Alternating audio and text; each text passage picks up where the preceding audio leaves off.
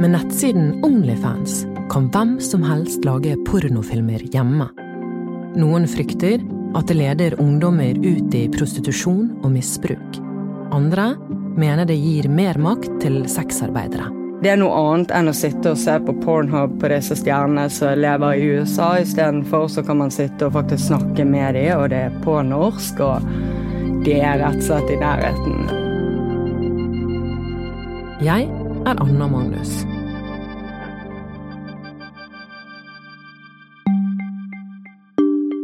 Briten Tim Stokely lånte penger av sin far og fikk med seg sin bror for å igjen prøve å lage en nettplattform for voksne i 2016. De forrige forsøkene hans hadde feilet, men nå hadde han en ny idé – Onlyfans. Dette er den grisete kusinen til Snapchat og Instagram. Det er en delingsplattform, og det som er mest populært, er seksuelle bilder og videoer, som du må betale for å se. Da Tim startet Onlyfans, var han 33 år gammel. Det er nå fem år siden, og siden har plattformen vokst enormt, spesielt under korona. Og en av de som meldte seg på, var Sami. Langt, blondt hår. Ja, lange vipper. De er viktige. Eller så føler jeg at jeg ser forholdsvis Altså normale men jeg har litt sånn den er sexy. Sånn, jeg liker Nå går med korte kjoler og korte skjørt og sånt, og jeg liker å dolle meg opp. Enten det, eller så går jeg med håret i en tufs, og så har jeg på meg joggeklær. Så det er enten fullt dollet opp, eller så ser jeg ut som den slauren. Sammy er 34 år gammel, og hun har vokst opp i Bergen. Vi kommer ikke til å bruke hennes fulle navn i denne episoden. Sammy har en rangering på 0,8 på Onlyfans. Det betyr at hun er medlem av en sjelden klubb, de som tjener veldig mye penger på å dele innhold. I Sammys tilfelle er månedssummen sekssifret. Jeg elsker jobben min, altså. Jeg kan gjøre det jeg eh, liker mest. Jeg er jo veldig skal, kåt av meg.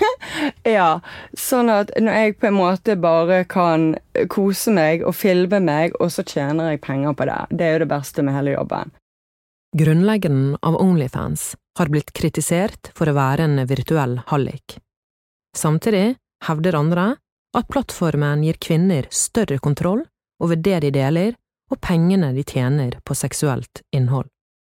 Det er bra med det, er jo det at kvinner sjøl står Altså, det, det er de sjøl som står ansvarlig for dette her, eh, og det er deres inntekt, ja. Og man blir ikke tvunget til noe. Man står ikke og selger seg sjøl på gatehjørnet. Det er ingen skumle bakmenn som står og tar alle pengene. Altså, de jentene som jeg har snakket med, de ønsker jo å drive på med dette, og de liker jo det.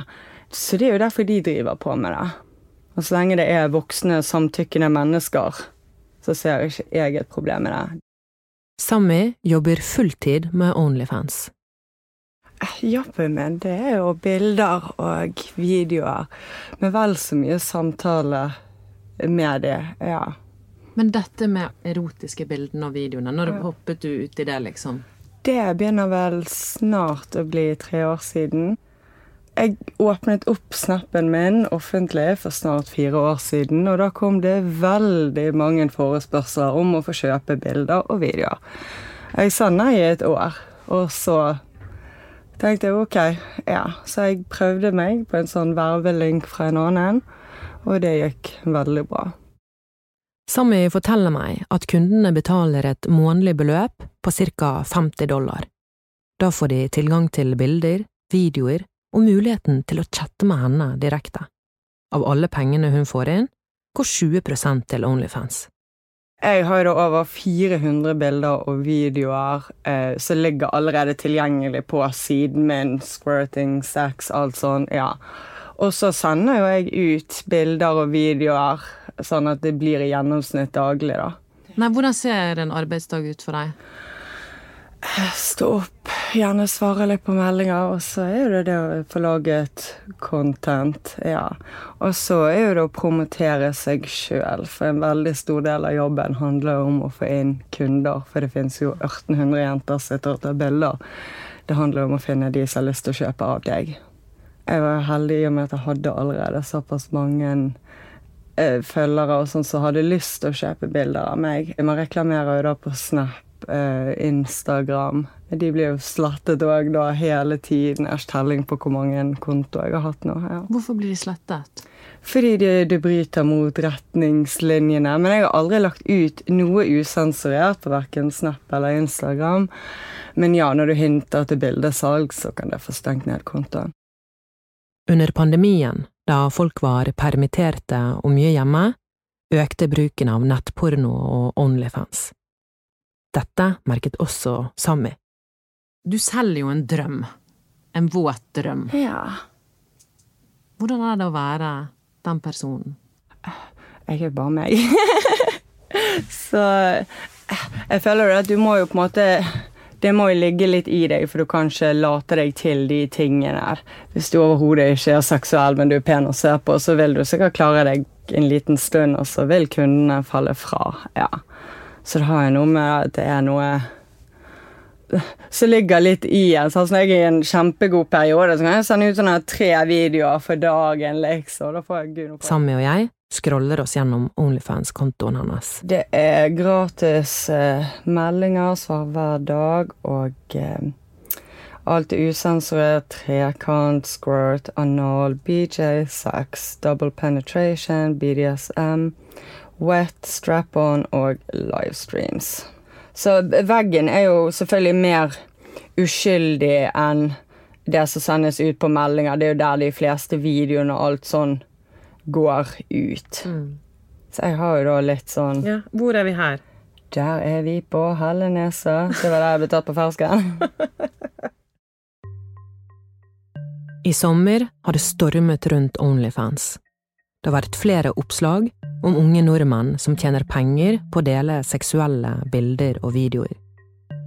Familieminister Kjell Ingolf Ropstad har også kritisert plattformen for å være et sted som kan føre til mer utnyttelse av barn og unge mennesker. I sommer gikk Onlyfans ut med sin aller første innsynsrapport. Her kom det fram at de hadde sperret 15 kontoer som viste misbruk av barn. Og 19. august kom en sjokkbeskjed.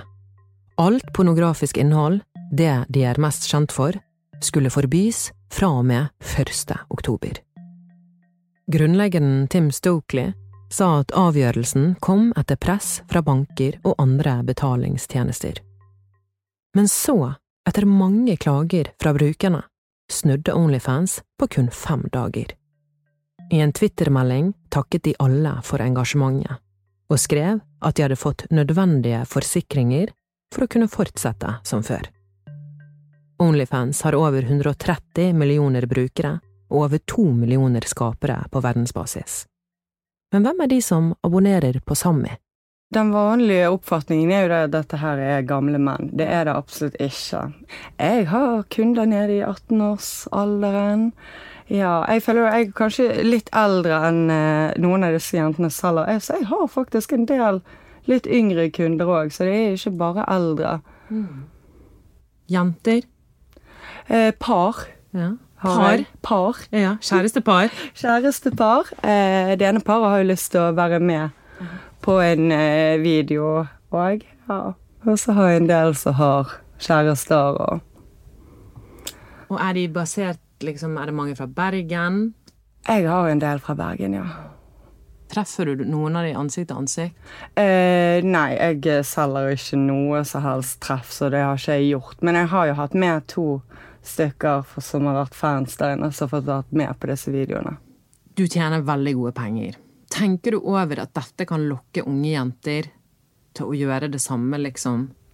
Ja, absolutt.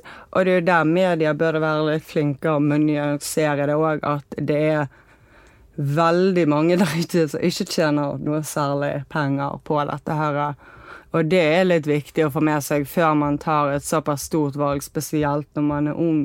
Eh, jeg mener jo at de aldersgrensene på de sidene egentlig burde vært 20 år på å legge ut content. fordi at som 18-åring så vet jeg ikke helt om man er moden nok til å kunne ta de avgjørelsene. For hva er faren, tenker du?